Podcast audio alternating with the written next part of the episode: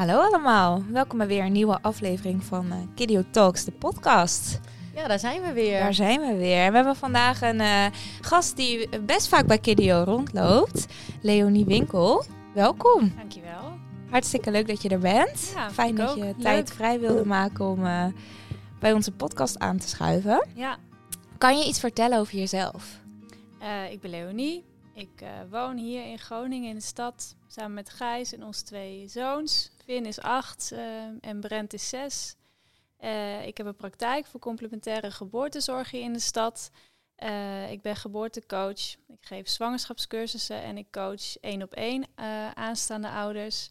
En dat doe ik niet alleen op fysiek vlak, dus niet alleen de fysieke voorbereiding in voeding en beweging en houding en dat soort dingen, maar vooral ook mentaal en emotioneel.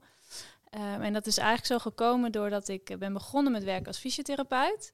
Ja, want ik zag op je website al een heel lijstje voorbij komen wat je allemaal hebt gedaan. Dus uh... ja, ja, ik ben begonnen dus als fysiotherapeut.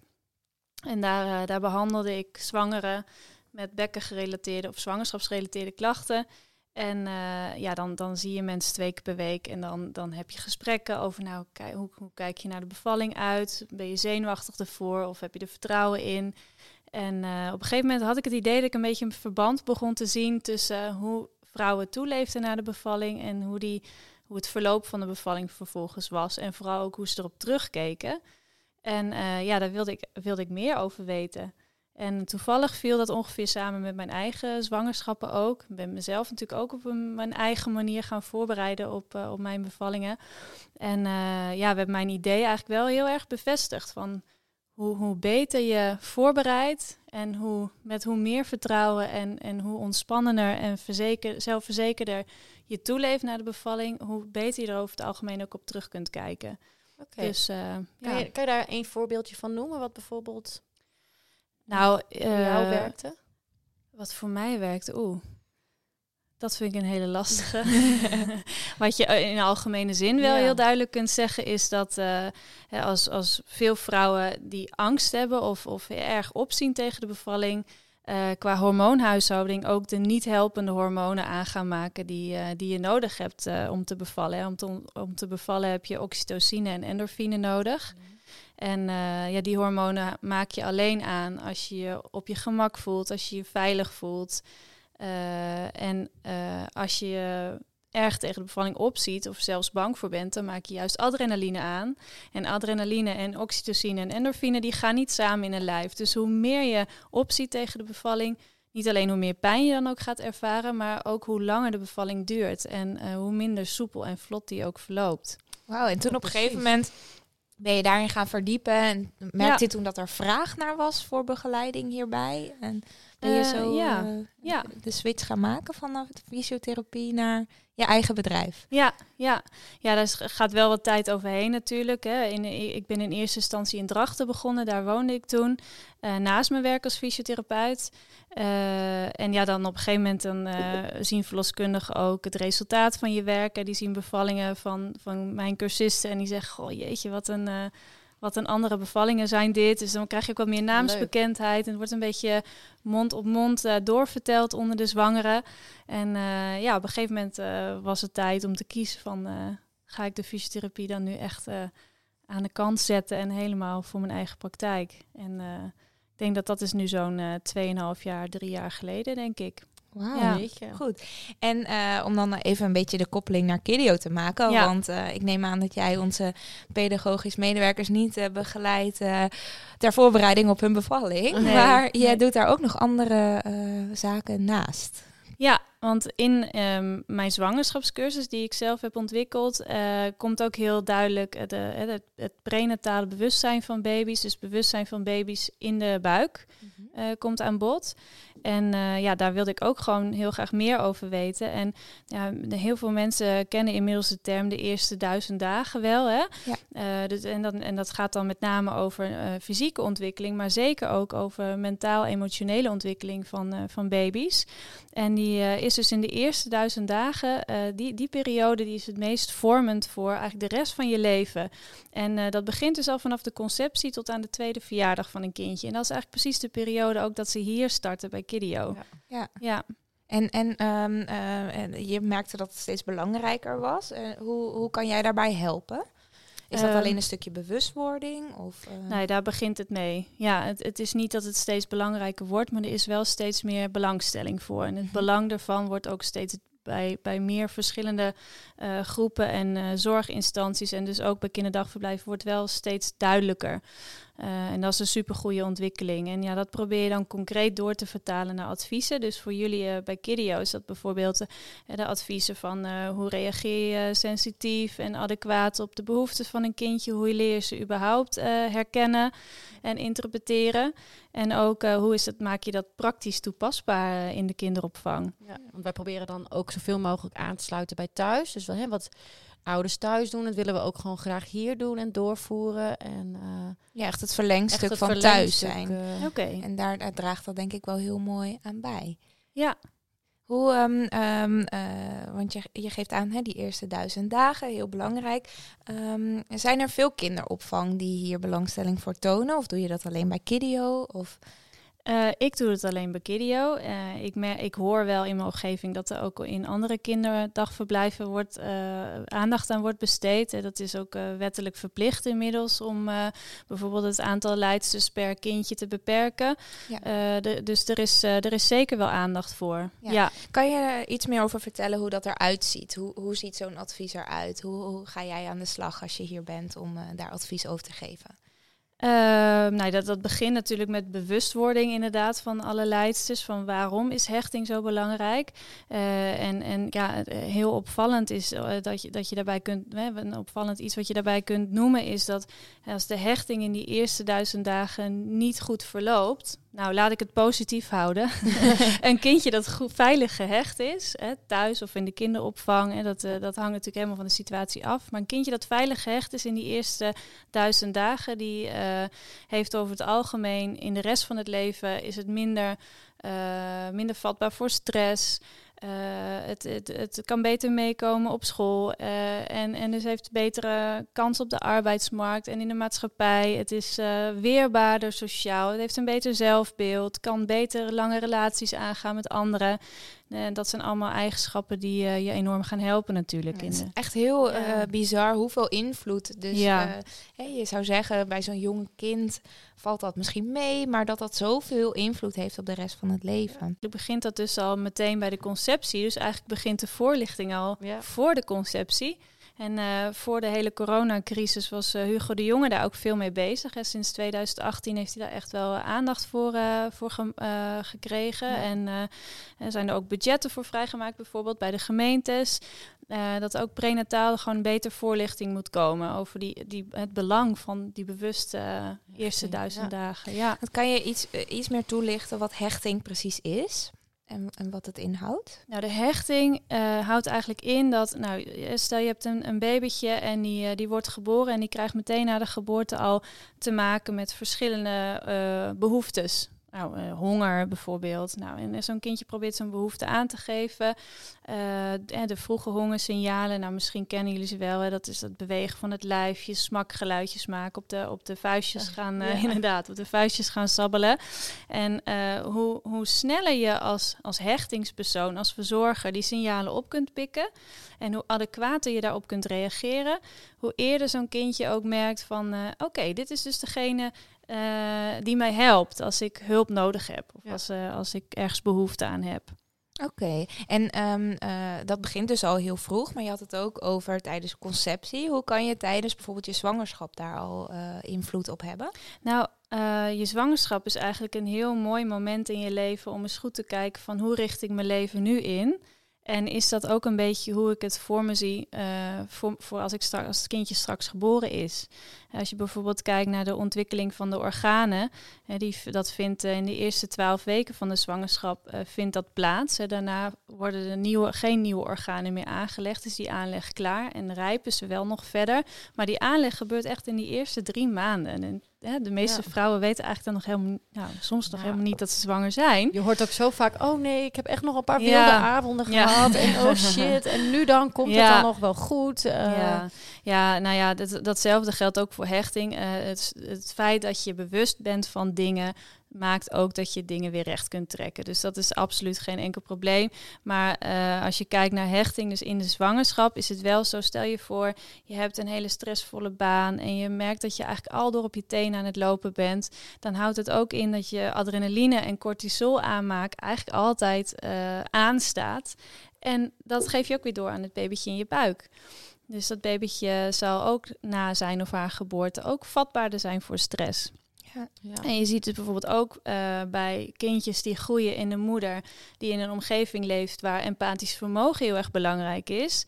Uh, dat dat, hersen, dat gedeelte in de hersenen bij die babytjes ook sterk ontwikkeld is. En dat is heel functioneel, want zo'n kindje die bereidt zich in de buik al voor op de wereld waarin hij straks terechtkomt. En om, zo, hè, om zijn omge uh, overlevingskansen in die uh, omgeving zo groot mogelijk te maken. Jeetje. Dus eigenlijk gewoon bewust naar je leven kijken. Ja. Van lief zijn voor jezelf. Precies. Eigenlijk ook. Uh, ook, ja. ja. En even echt heel bewust kijken van...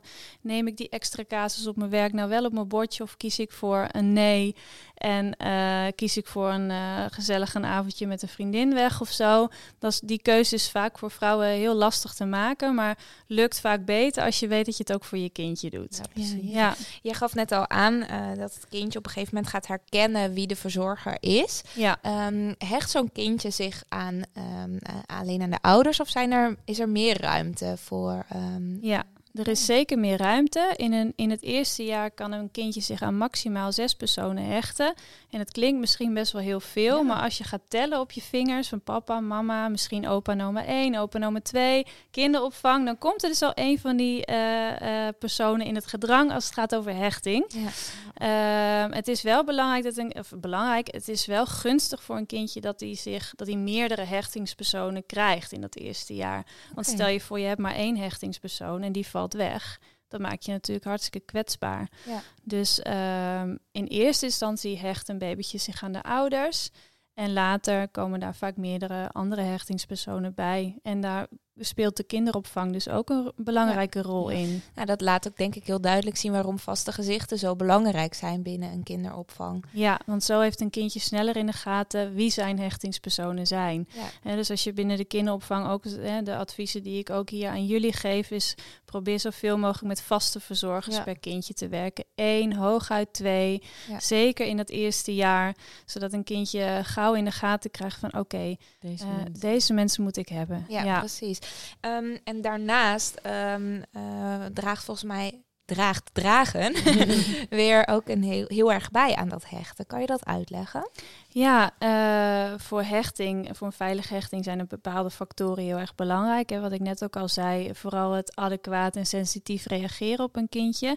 En dat wil natuurlijk makkelijker als je uh, in nabijheid bent van het kindje. Want dan zie je sneller waar een behoefte is, als er een behoefte is. En dan kun je er ook sneller en adequater op reageren. Maar als je een kindje veel bij je hebt, dan leer je ze ook die signalen ook sneller herkennen. Dus daar komt dat adequaat reageren weer, uh, weer naar voren. Uh, ja.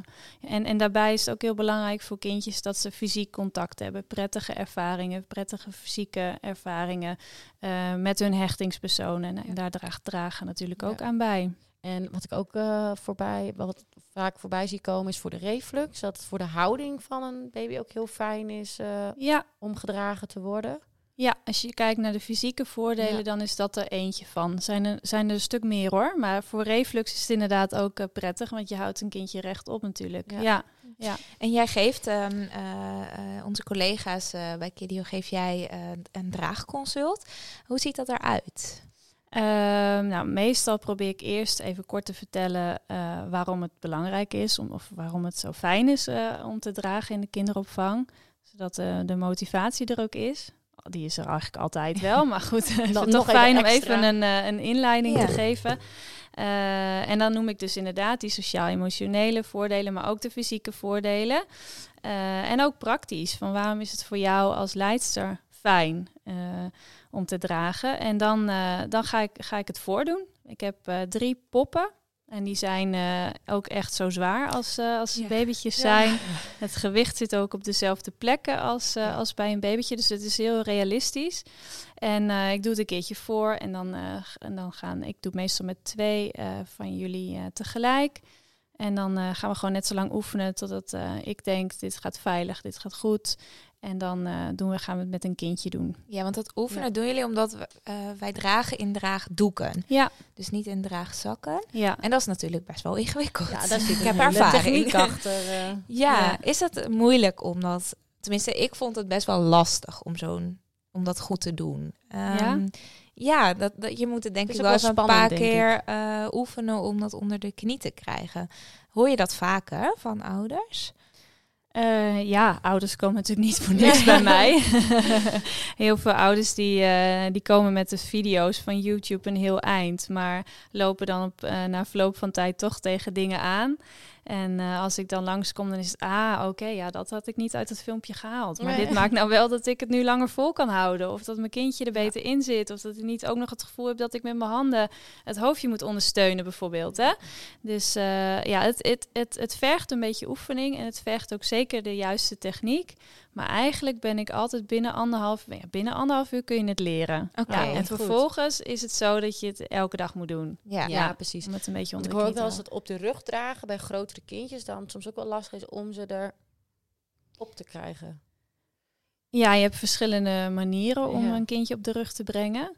Ik denk dat je eh, als leidsters van een kinderdagverblijf altijd een beetje voorzichtiger bent dan de ouders met hun eigen kindje. Ja. Wat ook logisch is en ook goed is. Ehm, ja, ik vind het niet lastig. Het is een kwestie van heel veel doen. Ja, precies. Echt doen, doen, doen. Ja. Ja. Ja, Het, het is bij ons ehm, iets wat denk ik best wel een verschil eh, kan maken. Wij dragen en dat is wel iets waar ouders ook expliciet toestemming eh, voor kunnen geven. ja, Eh, We doen dat niet zonder overleg eh, Mhm. met de ouders. Eh, maar je merkt wel dat kinderen op misschien onrustige dagen er heel veel baat bij hebben. ja dat, ze toch echt eh, gerustgesteld worden van het gevoel van ik, ik ben lekker dichtbij. Nou, de leidster waar ik Veilig. mij aan hecht. Ja, veilig. Ja. Nou, fijn dat jullie dat zelf ook merken. Ik hoor het ook terug eh, van, van de ouders die hun kindjes hier hebben. Dat ze zeggen van, goh, ze slapen na een, eh, na een, na een dag op de crash, nu ze gedragen worden, ook veel beter thuis. En we hebben veel minder ontladingstijd nodig thuis. Dus eh, en dat is natuurlijk ook een van de redenen waar- waarom jullie dit zijn gaan Ja. doen. Ja, Tot welke leeftijd kun je ongeveer dragen?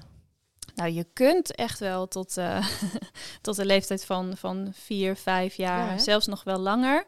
En dan ziet het dragen er natuurlijk wel anders uit. Hè. Dan is het meer van, eh, nou de laatste keer bijvoorbeeld dat ik mijn zoontje heb gedragen, was die eh, vijf. En dat was met de avondvierdaagse. Was het een beetje te en toen vond hij het babyachtig en toen wilde hij het niet meer. Dus ja, maar weet je, dat zijn wel echt eh, de diehard dragers natuurlijk. Hè? Ja. Heel veel ouders inmiddels, zeker ook hier in Groningen, die dragen eh, de eerste periode hun kindje veel. En dan, dat wordt steeds een beetje minder. En dan wanneer het echt te groot of te zwaar wordt om op de buik te dragen, dan stoppen de meeste ouders er wel mee, denk ik. Maar dat is dus Ja. niet Dat nodig. is niet nodig, Nee. nee, nee. Oké, nou, mooi. Ja. Dus die draagdoeken die zijn eigenlijk ook gemaakt dus ook voor kindjes tot ongeveer 4, 5 jaar. Dus eh, eigenlijk ja. oh, wat goed. Nou, jullie zouden elkaar er ook nog eh, in kunnen dragen hoor. Ze zijn super sterk. Ah, nou, nou. We kunnen het zo wel even we gaan proberen. zo even oefenen. ik ga even bij jou... eh, Ja, De bloopers nee, komen op YouTube. ja, Ja. precies. Nee, maar inderdaad, Ja. je hebt één doek waarmee je gewoon de hele, je hele draagperiode zeg maar Ja, kunt. precies. Ja, wat Ja. misschien wel Oh. even leuk is om te vermelden, is dat we sinds kort een webshop hebben op de Kidio webs, eh, website. En daar bieden we eh, deze draagdoeken ook aan. Ja, En dan eh, raad jij met name de geweven doeken aan. Ja, ja, ik zag inderdaad dat jullie eh, geweven doeken en, en een rekbare doek aanbieden. En een rekbare doek, ja, mensen zijn snel geneigd om eerst te kiezen voor een rekbare doek vanwege het prijsverschil. Hij is een stuk goedkoper. Eh, en eh, er zitten ook wel wat voordelen aan een rekbare doek. Onder andere dus de prijs, maar ook het feit dat je hem van tevoren om kunt knopen en dan pas je kindje erin hoeft te doen. Dus dat is heel handig als je bijvoorbeeld de stad in gaat, dat je niet in de stad nog hoeft Oh te ja. gaan knopen bijvoorbeeld. En voor een pasgeboren babytje is het eh, fijn, omdat het gewoon een rekbare stof is, dus heel zacht. Eh, maar eh, ik adviseer eigenlijk altijd meteen te beginnen met een geweven draagdoek. Ehm, omdat je maar één laagje stof over het ruggetje hoeft te doen. De doek is ook van katoen gemaakt en niet van tricot, zoals de rekbare doek. Eh, waardoor die al veel minder uh, broeierig en warm is. Want het is sowieso natuurlijk wel warm hè, om een kindje tegen je aan te dragen. Dus we zeggen ook altijd van het doek telt als één kledinglaagje. Dus hou daar rekening mee als je gaat dragen. Um, en katoen is van zichzelf al, al minder warm, maar je hoeft ook maar één laagje stof over het ruggetje doen, te doen. Terwijl je bij een rekbare doek drie laagjes stof uh, eroverheen uh, doet. Ja. En als het kindje groter wordt, dan is een rekbare doek al snel zwaar. Want die gaat, daar zit rek in, dus die gaat hangen. Ja. En dan moet je alsnog overstappen op een geweven doek. Daar hoort weer een andere knooptechniek bij. En dan moet je een nieuwe doek aanschaffen. Dus, uh, Goedkoop is duurkoop. Ja, maar eigenlijk wel. Dan, ja. Oké, okay, goede tip. Um, en hoe zit het met draagzakken? Want er zijn denk ik ook ouders die voor gemak kiezen. Hè? Of naar gemak, zo noem ik het dan maar even. Misschien niet of zo, het niet zo fijn vinden om met een doek uh, in de weer te zijn, inderdaad. Ja, ja. Um, uh, je draagzak, kijk, weet je, een, een draagzak um, waarborgt ook alle voordelen van het dragen. Hè? Als je kijkt naar fysieke voordelen en de sociaal-emotionele voordelen, die, dat, dat zit hem in het dragen op zich. En of je dat nou in een zak doet of in een doek, uh, dat maakt voor wat dat betreft niet uit. Uh, je gaat het gevoel voelen, het verschil voelen als je het als je het doet. Ja. Een, een draagdoek die, uh, die past, ja, die valt gewoon helemaal om jullie lijven heen. Dus die zit gewoon nog beter, uh, nog steviger, nog fijner.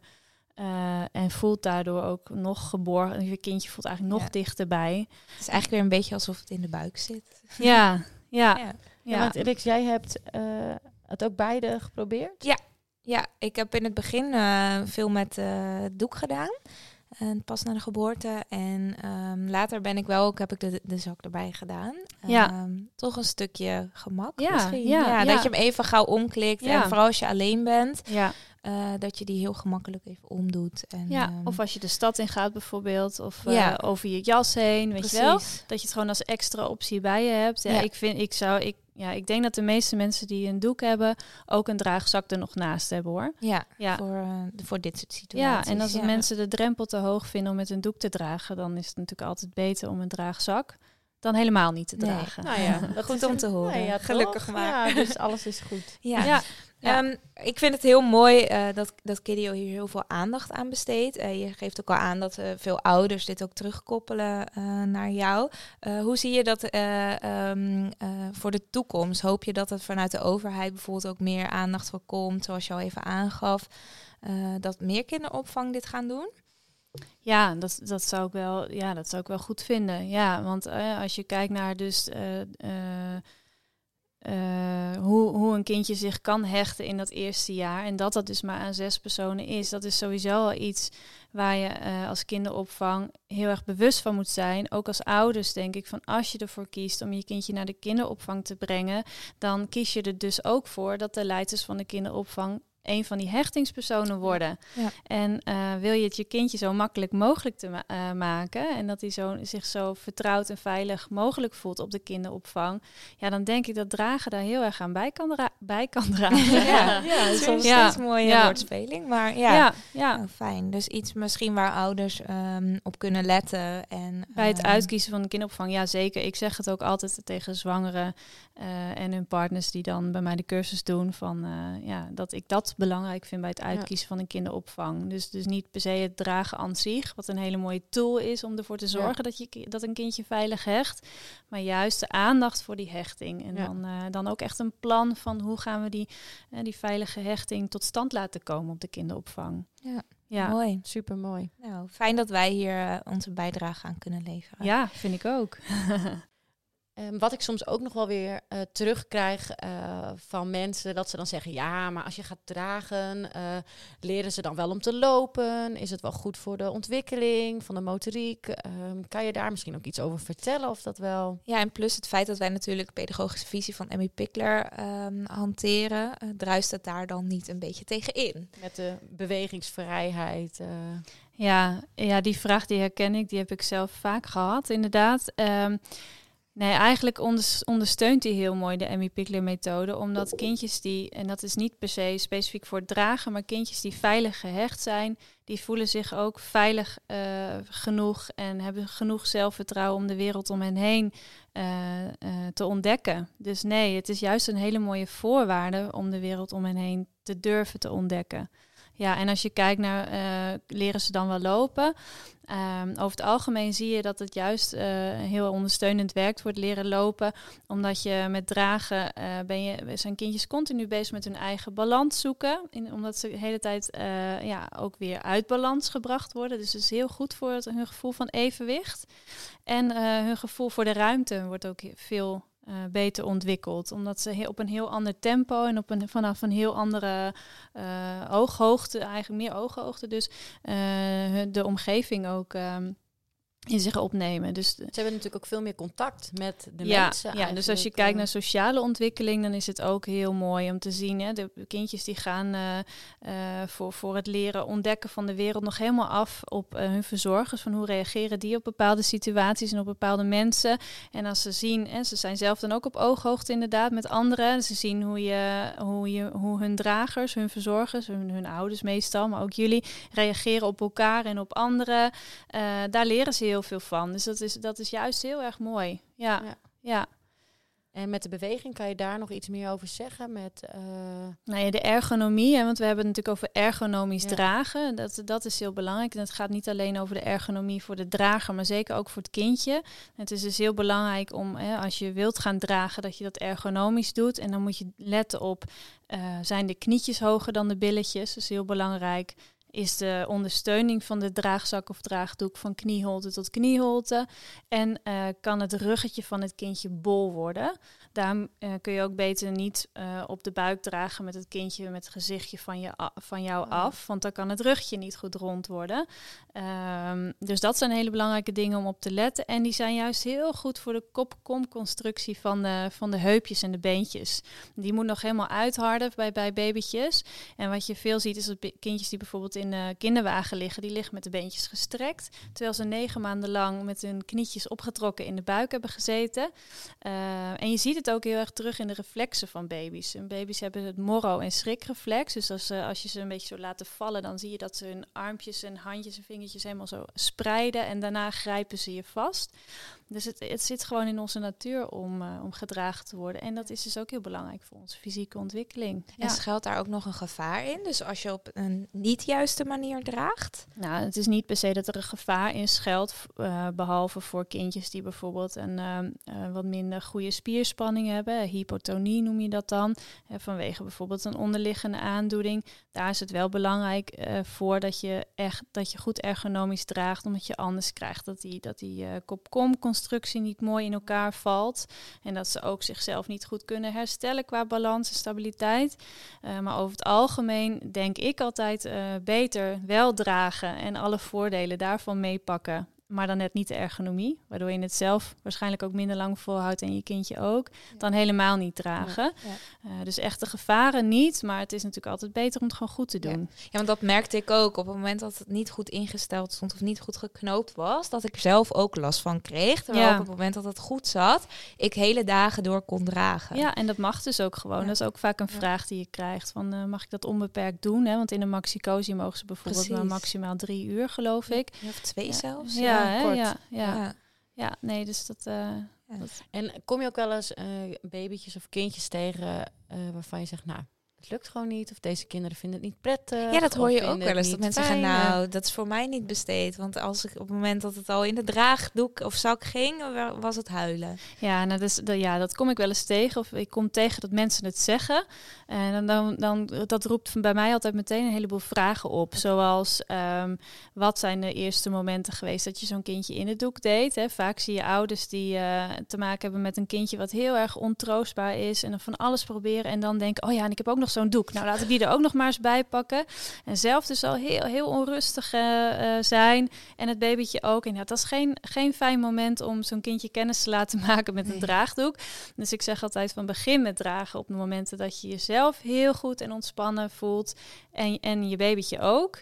Eh, maar het kan bijvoorbeeld ook zijn dat de eerste keren dat, uh, dat je je kindje in de draagdoek wil doen als moeder en je geeft borstvoeding, dat zo'n kindje jou ruikt en meteen die voedingsreflexen helemaal op aangaan. Dus zo'n kindje wordt super actief, gaat zoeken naar de borst en dan uh, word je zelf onrustig van en dan, en dan haak je vaak ja. af. Terwijl als je even zou doorzetten en misschien op een ander moment probeert, of zeg nou, ik probeer eerst bij papa in de, in de draagdoek of in de draagzak. Uh, en ook niet, laat je niet te snel ontmoedigen van, uh, door kindjes die onrustig zijn bij het omdoen van het doek. Want vaak als je daarna meteen een beetje gaat bewegen, dan, uh, dan vinden ze het uiteindelijk wel heel erg fijn. Ja. Ja, dus, dus echt niet geschikt. Dat, nee, Nee, vaak ligt dus zit daar wat anders Ja, achter. precies. Ja. Nou ja, dat is ook weer mooi, omdat... eh, Goed om te weten. ja, precies. Nou, Leonie, echt heel erg bedankt voor eh, alle kennis die je vandaag met ons gedeeld hebt. Ik denk dat er heel veel goede tips tussen zitten, maar dat het ook ehm, eh, aan ouders iets meer uitleg geeft eh, waarom wij bij Kidio dragen en hechting zo belangrijk vinden. Dus dank daarvoor. Graag Ehm, gedaan. We verwijzen alle aanstaande of eh, huidige ouders eh, graag door naar jou. eh, voor als ze meer vragen hebben of eh, iets willen weten. Of misschien zelfs bij jou langs willen komen. Dus we zullen ook even een linkje naar jouw website toevoegen. Leuk, dankjewel. Ja, super dankjewel. bedankt dat je er was. Jullie ook bedankt. En eh, tot de volgende podcast. Helemaal goed. Doei doeg. Doeg. Volgende keer. Tot de volgende keer.